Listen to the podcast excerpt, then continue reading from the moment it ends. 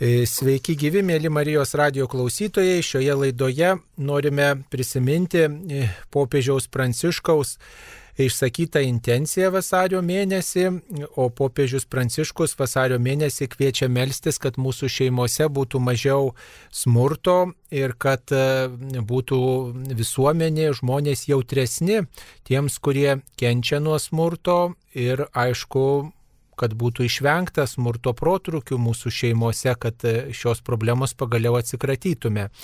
Ir šioje laidoje kalbuosi su Rasa Bėliauskaitė, kuri yra psichologė ir susidurianti su vaikų raidos sutrikimais, svarstanti tuos visus atvejus ir taip pat svarstanti apie kitas psichologinės problemas ir jų priežastis. Sveiki gyvi! Sveiki gyvi. Taigi, e, ar iš tiesų smurto problema e, šiais laikais e, yra tokia didelė, kad net popiežius atkreipia į tai viso pasaulio tikinčių žmonių dėmesį? Taip, labai pritarčiau, kad tai yra didelė problema ir kai kurie mano kolegos, psichologai, psichoterapeutai, mokslininkai tyrinėjantis tuos dalykus, tai įvardina netgi kaip irgi tam tikra epidemija, nes labai plačiai pasitaikantis ir paplytęs dalykas, mes nes, ne visada suvokiam patys, kas yra smurtas ir dažnai nesusimastom apie jo pasiekmes. Bet tikrai jo yra įvairiose valstybėse, ne tik Lietuvoje, bet ir pas mus taip pat. Prakalbot apie smurto pasiekmes, kokios yra tos smurto pasiekmes? Smurto pasiekmes yra labai įvairialypės, labai įvairia pusės paliečia visą žmogų, visą jo esybę, visas jo dalis, kaip galima būtų pasakyti. Tai, kas labai įtakoja mūsų galimybę paskui veikti ir, ir, ir jausti. Tai galbūt kalbėdama apie pasiekmes, aš pasakysiu, keletą žodžių apie tai, kaip mes dabar nu, suvokiam šiai dienai, šiam šios dienos mokslo tokiam įsivystimo e, vietoj, kaip mes suvokiam, kaip vyksta ta žmogaus raida ir kurio vietoj čia smurtas įsiterpia neigiamą, neigiamą prasme. Žmogus yra nusukurtas tam, kad jis visą laiką tobulėtų ir vystytųsi ir kad jo ta raida būtų tinkama prisitaikyti prie aplinkos, dėl to jisai viską suvokia, atsimena, žino ir labai didelė dalis to, kas su mumis vyksta, jeigu mes pradėtumėm nuo pat gimimo iki dabar, didelė dalis vyksta mums nesuvokia tam tikrų dalykų. Mes ne viską suvokiam, mes suvokiam tai, kas jau pasiekė mūsų smegenų žievę, tą jau tokią labiausiai žmogiška, nors ir, ir, ir, ir žinduolėje turi, bet jau ta, tai, ką mes kaip žmonės turim, kas mūsų sąmonė yra, ką mes sąmoningai suvokiam, tai, ką galim įvardinti, kas ateina per kalbą, tačiau dalykai, kuriuos mes patiriam ir lieka neįvardinti, jie vis tiek mumise yra ir mus veikia. Taigi, kuo anksčiau yra patiriamas smurtas ir tai tuo pakenkia gilesnės mūsų nervų sistemos, mūsų smegenų dalis ir atima iš žmogaus galimybę nu save suvokti, save reguliuoti, reguliuoti savo emocijas. Galime sakyti, kad yra tokios nu dvi dalis, taip santykinai yra, kaip mes sakom dažnai, tradiciškai emocija ir protas. Tai čia kaip ir yra nu, tokie skirtingi takeliai ir tam, kad mes galėtumėm reguliuoti tas emocijas, ta savireguliacija formuojasi nuo pirmųjų gyvenimo metų. Ir po truputį įsijungia vis daugiau proto, vis daugiau supratimo kito žmogaus ir savo jausmų. Ir kai įsiterpia smurtas, tai mes prarandam galimybę tos savireguliacijos suformuoti, jeigu tai yra ankstyvam amžiui. Ir kitas dalykas, kad vat, visa ta raida, kuri vyksta, ir mes daug ko nesuprantam iš ties, kaip tai vyksta, bet tai, ką aš sakau, ir ką vat, per šitą laidą kalbėsiu, tai yra, nu, šiai dienai mokslo kaip ir patvirtinta, ir net tai nėra šiaip samprotavimai, tai yra remiantis tam tikrais faktais. Tai va visa ta raida vyksta bendravime žmogaus su žmogum. Neurologai sako apie tik gimusi vaiką, kad jisai, kad jo smegenis negalėtų tapti žmogaus smegenim, jeigu jisai nebūtų bendravęs su žmogaus, su kitu žmogum. Bet tas bendravimas tarpusavį yra labai svarbus tam, kad kūdikis pradėtų suvokti save ir pradėti save mokytis reguliuoti fiziškai ir jau paskui augant ir įvydindamas tai, kaip suaugęs jį mato ir ką jaučia ir ką jam sako. Taip jisai įvydina tą savo vaizdą ir įvydina kitą, išmoksta atliepti kitam, bet nu, tam reikia tokio gero bendravimo, atitikimo. Nu, tai ačiū Dievui, tai mes taip irgi sukurti gan patvarus, tai uh, galim prisitaikyti prie įvairių situacijų, tačiau smurtas vieno iš mokslininkų įvaizdė yra uh, tas ankstyvas artimų santykių smurtas yra prilyginamas sieros rūkščiai, kuri ištrina susidariusius ryšius nervų sistemą. Tai mes dabar sakom, kad galbūt neištrina, galbūt užblokuoja, bet vis tiek, jeigu kūdikis nesuformuoja to saugaus pagrindo savo jautimo, ir, ir kito žmogaus jautimo, kad šalia suaugusio būti yra saugu, aš galiu perimti suaugusio tai, ką jisai man duoda, man nėra pavojinga. Jeigu tai nėra, tai yra labai sutrukdoma jo tolesnė raida, savireguliacija ir taip toliau. Tai šitos pasiekmes visam, visam gyvenimui yra labai ištyrinėtos, taip pat pavyzdžiui, incestą patyrusių žmonių raidos pasiekmes tam savęs suvokimui yra irgi labai visą gyvenimą uh, trunkančios. Taip pat smurtas įtakoja mūsų fizinę sveikatą ir jeigu mes pamatytumėm, galvotumėm apie tam tikras lygas, tai irgi žymiai daugiau sergančių žmonių patyrusių smurtą visą eilę lygų ir tame tarpe širdies ir kraujagyslių lygom. O koks e, tas smurto pobūdis ir prieš ką smurtaujama? Ar prieš vaikus dažniausiai, kai, kai tėvai nesusitvarko, tiesiog kai vaikai neklauso tėvų, ar, ar vyras prieš moterį smurtauja? Kaip yra dažniausiai dabar mūsų šeimose? Na, čia tai atsakyti tą klausimą tikrai tai galėtų nebent sociologai tyrimus padarė, turbūt reiktų sakyti, kad e, įvairiai yra. Nu, ir čia galbūt mes galėtumėm pagalvoti, iš kur tas ateina galbūt. Vat, kaip jūs užduodamas klausimą sakot, tėvai smurtauja prieš vaikus, kai nesusitvarko. Tai tikrai nu, va, dalis ateina iš bejėgystės, iš nu, nemokėjimo būti ir išbūti tam tikroji emocijoje.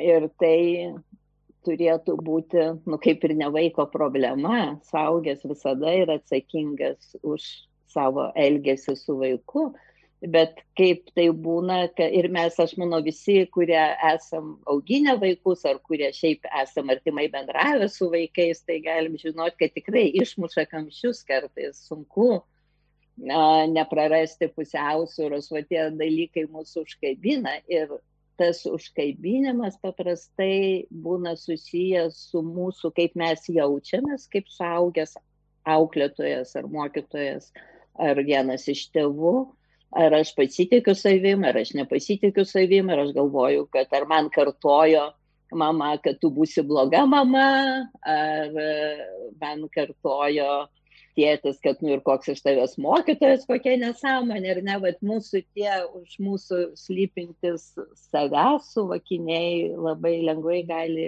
išmesti mus į tą tokią bejėgystę, kur jau mes nebegalime kontroliuoti savęs emociškai. Nu, tai čia, tai jokių būdų mes turim suprasti, kad tai nu, ne, nepateisina to dalyko. Taip pat, jeigu mes galvotumėm apie smurtą prieš vaikus nu va šeimoj, tai yra artimos aplinkos, tai yra tėčiai, mamos. Labai įvairiai atsiduria žmogus tokioje vietoje. Tai visada nu, bus susijęs su jo paties patirtų smurtu. Vienai par kitai. Paprastai nebūna, kad žmogus, nusmurtautojas nebūtų pats patyręs smurto. Ir jeigu jisai vaikystėje patyrė tokią elgesį, tai net ir norėdama, kartais sąmoningai priešindamasis, bet jisai perima. Nes mes iš suaugusio perimam elgesio modelius. Ir ne tai, kad elgesio modelis, kad aš žiūriu, kaip tenai reikia įjungti ir aš taip pat įjungiu kokią nors mašiną, bet perimam vidinius elgesio modulius, kaip ten viduje susidėlioja ir kaip mes, nu, kaip mes susielgiam, nu, kaip padaro.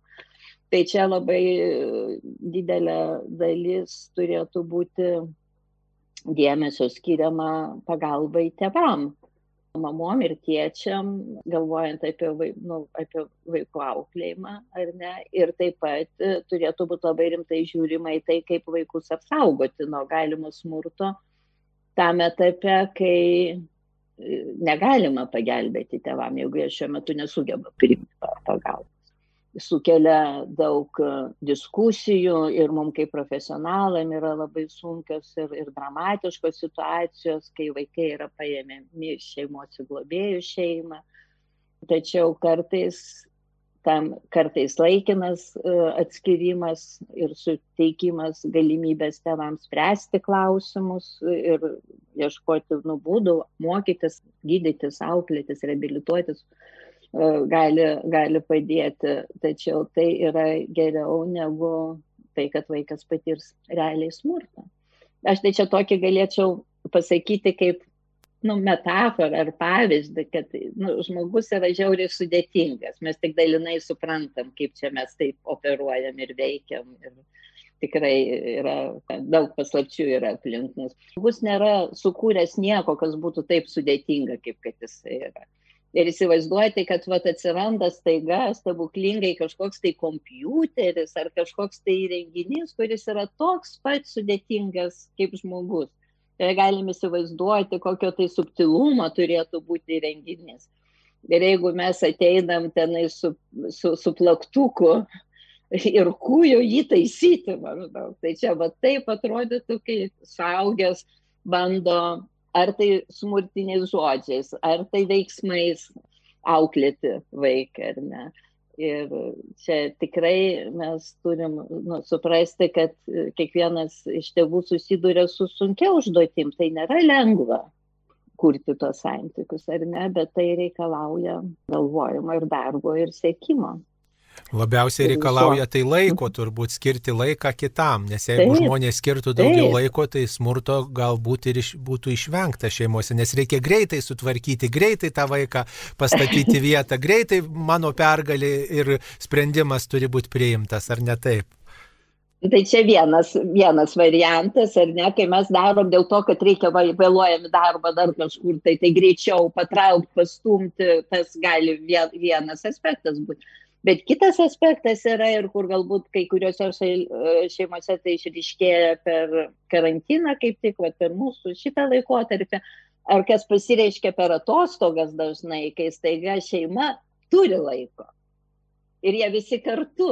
Ir va tada pradeda matytis, kad tokiai būti kartu, nes kiekvienas nori, vienas nori to, kitas nori to, trečias nori to aš manau, kad galvojant apie laiką reiktų kalbėti apie, nu, ne tai, kad tokį fizinio laiko daug, bet apie tokį pastovų galvojimo laiką, kad aš pastoviai esu, nu, šeimoje kuriu tam tikrą atmosferą, kokia yra atmosfera, aš kuriu tam tikras tradicijas ir tam tikrus, tam tikrus modelius elgesio. Ar ne? Ir čia kaip ir vyras ir žmona šeimoje turėtų būti kaip tavo tos vat, nu, galvos, kurie kartu tą, tą daro. Ir čia mes ateinam prie smurto tarp vyro ir žmonos, kuris gali būti ar galbūt tarp žmonos ir vyro. Labai dažnai būna, e, kad mes kreipiam dėmesį į tą fizinį smurtą ir apie tai esame iš seniau girdėję, kad tai jau, reiškia, vyras muša žmoną, vaikai patiria tėvų tą mušimą, kad štai už kažką tėvas pagriebęs ar mama šliurė, ar, ar ten kokį e, kitą įrankį, ar, ar, ar ranka tiesiog pliaukštelė. Bet e, dabar turbūt daug susidurėme ir girdime apie tai, kad yra labai daug to psichologinio smurto. Gal apie tai reikėtų irgi keletą žodžių pasakyti, kad tas e, psichologinis smurtas kartais būna labai toksai paslėptas ir mes jo kartais net net pažįstam, turbūt, kad patys jį vartojam ir patys jį patiriam. Taip, šimtų procentų labai teisingai. Taip ir yra, juk ilga iš pradžių kažkur praeito amžiaus vidury buvo galvojama, pavyzdžiui, kad berniukai yra agresyvesni už mergaitės raidos psichologijoje, kol buvo tyriama išorinio smurto apraiškos, kol nesuprato, kad mergaitės kitokiu būdu smurtauja, atstumdamos, kritikuodamos, apkalbėdamos, nu pavyzdžiui, kaip toks variantas. Tai žodžiu, kad nėra taip, kad viena lytis smurtinga, kita bet vyrai turėdami fizinę jėgą, tai jie nu, dažniau tas taip išoriškai matosi, nors tai nereiškia, kad vyrai kitų būdų negali smurtauti. Tai vienas iš tokių matomų ir jau pas mus šiek tiek kalbamas, kalbama ir nemažai kalbama, kalbant apie jaunimo vaikų elgesį, tai yra patyčios, ar ne? Ir čia aš norėčiau atkreipdėmėsi suaugusių patyčias. Mes kaip ir pradėjom ir mūsų vaikų linijoje labai didelis įdirbis apie patyčias mokyklose. Tačiau tos patyčios ateina iš to, kad suaugę tyčiojasi, net nesinori sakyti tokio žodžio, ne, ir vieni iš kitų, ir taip pat e, vaikų atžvilgių, ir nemažai iš mūsų įvairaus amžiaus, įvairių kartų vaikų yra girdėję iš mokytojų, kad jūs kvailyjus ten tokia ar, ar, ar anokia, ar ne, ar taip pat savo šeimoje, tai patyčios, kur tokie kaip, nu, nuvertinantis, nužeminantis žodžiai, kurie yra ir ar taip pat tiesiog e, tie patys ir keiksmažodžiai, kurie skirti žmogui, kurie nuvertina jį. Tai yra tokia labai stipri uh, smurto forma. Ir šalia to atskirai aš dar norėčiau išskirti reikimą, šaukimą ant vaikų. Kaip ir kartais atrodo, nu, pakeliu balsą, ar ne? Tačiau reikimas jisai įjungia, kaip ir fizinis smurtas, įjungia automatiškai labai daug gynimosi reakcijų, taip pat ir reikimas, kad iš karto tave išmuša iš saugios situacijos ir tu turi gintis. Ir tada atsiranda ir, ir pasaugus, ir pas vaiką, kuris dažnai patiria tuos dalykus, tai atsiranda tokia kaip ir parengties būsena, energija nukreipta kad ar aš neturiu gintis ir tada energijos nelieka reguliuoti savo jausmus ir daryti tai, kas tau priklausoma daryti. Tai pavyzdžiui, mokytis ar susikaupti ir dalis, nu taip labai dabar populiaraus, aš tai manau, kad ir to dėmesio sutrikimo ir kartais kaip Aspergerio tipo sutrikimai gali būti kaip rezultate patirto nu, smurto įvairių formų, kai tu esi parengties būsenoje ginti dar, dar pasakysiu bent dvi kitas rušis. Tai viena yra, kai tėvai aiškiai žino, ko vaikui reikia. Tai čia atrodytų labai, e, nu mažai kas tai vardintų galbūt kaip smurtą, bet nu, aš kaip psichoterapeutė tą galiu tikrai įvardinti, kad kai tėvai žino, ko vaikas nori, yra toks tokia karikatūra, kaip mama rodo vaikui mėgstuką, sako, štai nupirkau tau mėgstuką, kai man bus šalta, tu apsivilksi. Tai va šitas smurtas neleidžia vaikui savęs turėti, savęs suvokti, savęs užpildyti, turi tokias labai rimtas pasiekmes. Ir nesąmoningai kartais tėvai gali patys nesuvokti šitoj vietoje, nes jiem atrodo, kad jie tikrai žino, kas vaikui geriausia. Ir visai nesąmoningai gali stumti vaiką į tai, ko jie patys, pavyzdžiui, vaikystėje neturėjo, o norėjo turėti. Nu, čia tokie kaip ir subtilesni dalykai. Ir turbūt kitas labai skaudus ir stipriai veikiantis smurtas tai yra ignoravimas. Vienas iš tokių turbūt baisiausių, va, tas atstumimas, ignoravimas emocinis. Ir jisai kartais gali būti visai ne iš blogos valios. Nu, pavyzdžiui, jeigu mama arba tėtis turi patys depresiją, arba jeigu, pavyzdžiui, pačios bankrotas, ar grėsia bankrotas, ar kažkokie nemalonumai, avarija, Tai jeigu, nu, bet čia mes kalbam, kad jeigu kažkokį tai laiką, tai yra normalu, gali būti vaikas tą patiria, prisitaiko, paskui būna kitaip, bet jeigu kaip pagrindinė santykio forma yra, kai suaugęs ne, nu, ne, ne, nekreipia dėmesio, arba jisai galbūt neturi pats išlavintas tos empatijos, ne, ne, ne, jam yra nesusiformavusi dėl jo patirties. Tai tas emocinis ignoravimas, pavyzdžiui, nu, rūpinantis, gal, rūpinantis ir kad vaikas turi ką pavalgyti, ką apsirengti. bet jeigu nėra emocinio atsako, vaikas negali normaliai aukti. Ir taip pat šeimoje, tarp vyro ir žmogo, žmonos, tokioje situacijoje negali irgi formuotis ir vykti nu normalus abipusiai santykiai. Čia va, tas abipusiškumas labai svarbu.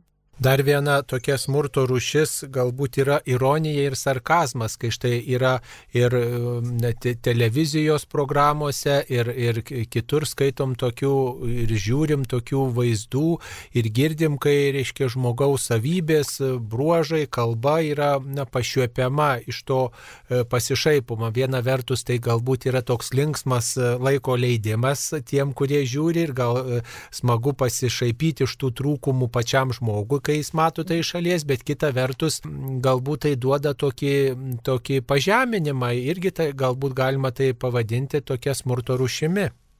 Taip. Ir čia labai nu, svarbus tas pažeminimo momentas. Jeigu mes žinom, kad savi ironija ir savi sarkazmas ir bendrai humoras tai yra labai stiprus apsaugantis veiksniai jeigu aš galiu iš savęs pajokauti, aš kaip ir apsaugo truputį save nuo to pažeminimo, kur galiu atsiau patirti nesėkmės atveju. Tačiau, kur yra ironija ir sarkazmas, ypač su tikslu pažeminti, tai kaip taisyklė būna tam tikros jėgos kovos dalis. Ir tai yra, nu, kaip gamtos dėsnis, kaip kad kaip kad žemės traukos dėsnis, jeigu kažkas aš paleidžiu, tai krenta, nes žemė traukia.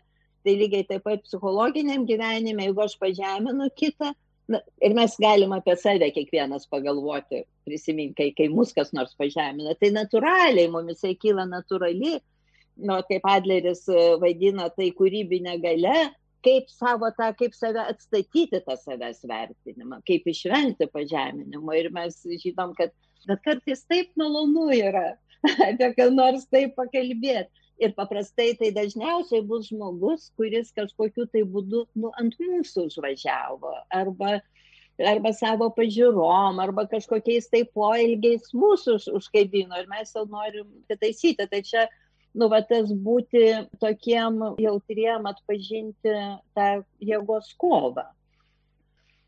Bet aš manau, kad čia labai svarbu turbūt žinoti, kad tiek, kai kalbam apie tėvus, tiek, kai kalbam apie smurtą šeimoje, tai mes turim suprasti, kad smurtautojas yra žmogus, kuriam reikia pagalbos ir kad kokią pagalbą jisai gali turėti ir tradiciškai, kadangi tradiciškai pagal kultūrinės vertybės dažniau kaip ir moteris aukos pozicijoje, bet aukos pozicija irgi yra ir smurto pasiekmė, ir kartais gali būti smurto priežastis, nes nu, kartais tu gali turėti labai didelę galę, būdama auka.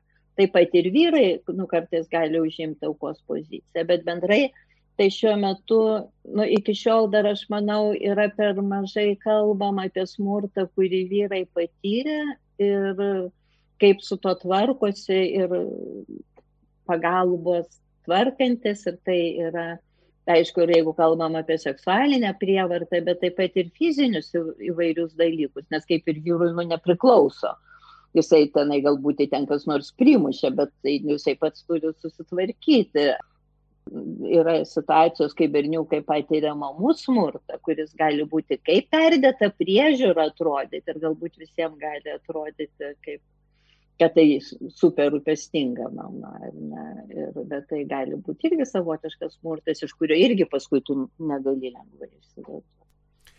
Ir čia aišku dar tokia, jau to tokio grūbiojo smurto, tai tiesiog nu vaikų nepriežiūra, kai būna šeimos, kurios nu, dažniausiai su priklausomybėm arba įvairiais kitokiais sutrikimais kai nu, negali tiesiog suteikti priežiūros vaikams. Tai čia tokie jau tos aiškios dalis. Nu, įdomiau yra, kur nu, netaip aiškios ribos.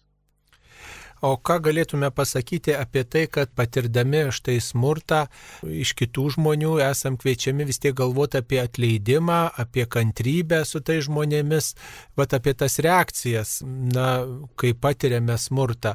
Kai, kaip iš tiesų reikėtų reaguoti vaikams ir, ir žmonai, ir vyrui šeimoje, kai, kai jie patiria smurtą, ar atleidimo kelias yra, keršto kelias, galbūt dar yra kažkoks kelias, nesitaikstymo kelias. Na, va, ir turint omeny krikščionišką tikėjimą, artimo meilę, kaip nepagilinti savo žaizdos ir kitam to žaizdos irgi ne, ne, nesudaryti, net ir patiriant smurtą iš kito. Manau, kad artimo meilės vardu yra iš ties labai daug smurto padaryta ir labai daug sąlygų smurtui klėstėti suteikta. Dėl to manau, kad kalbant apie tokias, apie reakcijas, tai tikrai kerštauti nieko gero nėra, tas netveda prie nieko gero. Tačiau nesavalaikis atleidimas gali labai pabloginti tiek smurtą patyrusio žmogaus vidinę būseną ir tikrai nekaip nepadėti žmogui, kuris, nu, kuris smurtauja. Dėl to toks kaip ir teisingas kelias, bet mes žinom, kad teisingi keliai labai įvairūs yra ir juos labai sunku yra įgyvendinti, bet vis tik tai pagrindinis dalykas yra stabdyti smurtą. Pirmas dalykas yra sustabdyti smurtą, kad jisai nevyktų ir kad žmogus patyrė smurtą būtų saugus. Ir čia gali būti labai ir nemalonios priemonės, ir nepopuliarios priemonės, tačiau smurtas turi būti sustabdytas. Kitas dalykas, kad tai nėra gyvenimo pabaiga.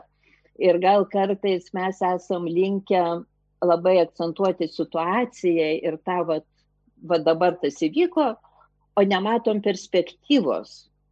Pavyzdžiui, vaiką paėmus iš šeimos tai tėvai gali dėti pastangas, kaip tą vaiką atgal atgauti ir tai gali būti motyvas, o galbūt jie to nedaro ir tada vaikui saugiau ir vėliau kažkur būti, bet tai nėra galutinis taškas. Lygiai taip pat ir šeimoje santyki tarp vyro ir žmonos, žmona gali sakyti, kad aš nepakęsiu ir apsisukti ir išeiti, bet tai nereiškia, kad toliau nu, nevyks kažkoks tai darbas jo su savim ir kvietimas vyro daryti darbą su juo, bet tam vyras turi savo įdėti, padėti pastangas, kad tai gali nereikšti santokos nu, nutraukimo.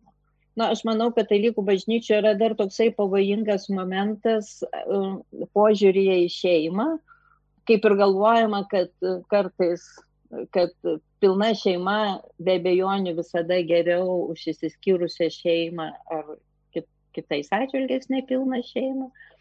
Mano kaip profesionalės praktika ir moksliniai tyrimai to nepatvirtina. Svarbu yra, kokie santykiai yra va, tarp tų žmonių, kurie gyvena, turi savo namų ūkį, yra šeima e, ir tai yra tai, kas e, gali na, apsaugoti nuo to smurto. Labai didelė dalis smurto yra patiriama būtent pilnose šeimose. Ir seksualinio, ir fizinio yra patiriama. Tai nėra, kad pilnoje šeimoje mažiau. Aišku, jeigu mes taip kalbėtumėm, kad funkcionali, gera pilna šeima yra geriausia situacija vaiko augimo. Yra kitas, vat, nu, kita antitezė, ne? bet tai nereiškia, kad tiesiog buvimas pilnos šeimos kaip ir apsaugo nuo problemų. Ne, tai lygiai taip pat reikia dirbti ir, ir, ir, ir, ir vargti ir su galva, kaip su tais vaikais būti. Kokia galėtų būti smurto prevencija? Ar įmanoma iš viso taip tokia vat vizija, kad būtų tokia bendruomenė, visuomenė, tokia šeima, kurioje to smurto nebūtų? Kaip galima, reiškia, užkirsti kelią tam smurtui? Galbūt e, galima kažkaip užbėgti už akių, ar vaikas, pavyzdžiui, gali užbėgti už akių e, prieš tėvų smurtą, ar, ar sutuoktinis prieš sutuoktinio, vyras prieš moters, ar moteris prieš vyro e, smurtą gali kažkaip užkirsti kelią, vat, ar, ar, ar kažkokia kalba ar, ar, ar nu, nežinau, pasiūlymų pasimelskim gal kartu dabar, nu nežinau, dar gal koks jūsų praktikoje atvejai žinomas. Tai pirmas dalykas, tai mes tikrai negalim galvoti, kad vaikas kaip nors gali. Vaikai dažnai imasi. Vaikai dažnai to imasi, labai dažnai. Ir tai ir yra pats skaudžiausias, liūdniausias ir baisiausias dalykas, kai vaikai stengiasi įvairiais būdais atsistoti tarp mamos ir tėčio, ar tarp tenai tėčio ir, ir, ir brolio, ar sesės, nukreipti dėmesį kažkokiu tai. Bet tai jie daro ne savo darbą, jie neturi galimybės aukti ir skleistas kaip asmenys, o jie dirba, būdė užspaudę savo, savo potencijas, kad čia nevyktų smurtas. Dėl to vienas dalykas, kad mes, nu turbūt net nu, negalim, nega, nu, ne, negalim taip galvoti, kad nu, vaikai turėtų ką daryti, bet pirmoje eilėje tai tai yra kartu dalykas. Ir kiekvienas iš mūsų, kuris mes esam patyrę vienai par kitaip kažkokios tai smurto patirtis, ir beveik daugumą mūsų esam patyrę vienai par kitaip. Ir ne, net ne tik todėl, kad sovietmetis buvo, bet nu, toks, toks, toks, toks tas gyvenimas buvo. Tai pirmoji eiliai e, galvoti, kaip man pačiam nu, su, su, su savimi susitaikyti pirmoji eiliai su savim. Paskui mes galbūt galim kalbėti ir apie atleidimą. Čia ta prasme, aš kaip ir nepabaigiau, tai atleidimas nėra tai. Yra labai gerai, tu, bet tai, tai jau turi labai didelis kelias būti nuėjęs. Aš susitaikiau su savim, aš galvoju, kad aš bloga, kad prieš mane smurtauja. Ne? Ir, žodžiu, turim pradėti nuo savęs. Kiekvienas nuo savęs, kokioj pozicijoje mes nebūtumėm.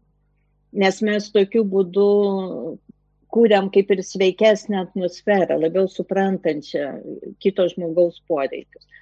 Ir tada gali būti įvairios visuomeninės organizacijos. Ir aš manau, kad nu, va, tie patys karito dienos centrai yra kaip ta vieta, kur vaikai iš šeimų, kuriuose patiria smurtą, jie ateina į kitą aplinką ir jie turi galimybę turėti kitus santykius su saugusiais žmonėm ir mokytis būti kitų būdų, mokytis reguliuoti savo emocijas, formuojasi kažkokie nauji dalykai, nauji suvokimai ir jie savo gyvenime jau galbūt kažkaip kitaip veiks.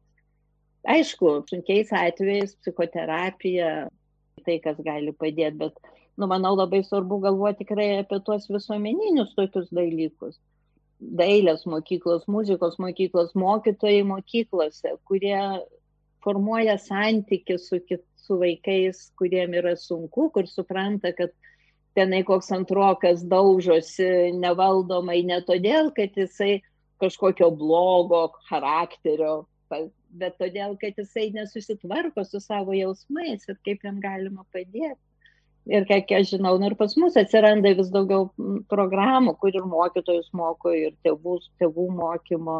Ir, ir tada vat, kažkaip jau gavęs tą tokį patirtį žmogus, jisai galbūt ir jau savo šeimoje galės nu, išvengti tos smurto.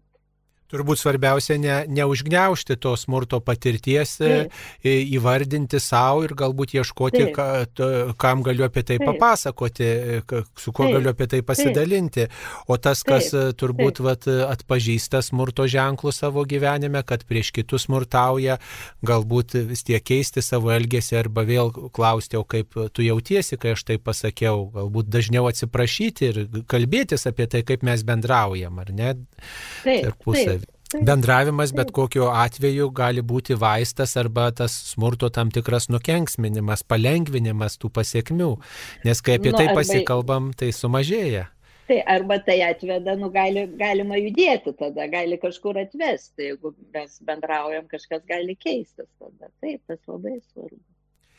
Mėly Marijos radio klausytojai, šioje laidoje kalbėjome su Rasabelė Uskaitė, kuri svarstė smurto temą, tokią aktualią ir esam tuo pačiu kviečiami pasvarstyti, kokį smurtą patys esam patyrę ir ar nesmurtaujam kartais, jei nekumščiu, tai galbūt savo žodžiai, savo elgesiu arba kartais savo tyla, savo anegdotais, ironija, žaisdami kitus. Tai esam kviečiami svarstyti savo elgesį ir jausti atsakomybę ir stengtis prisijimti atsakomybę už savo elgesio pasiekmes. Taigi linkime, kad jūsų aplinkoje, jūsų gyvenime tos smurtų būtų kuo mažiau.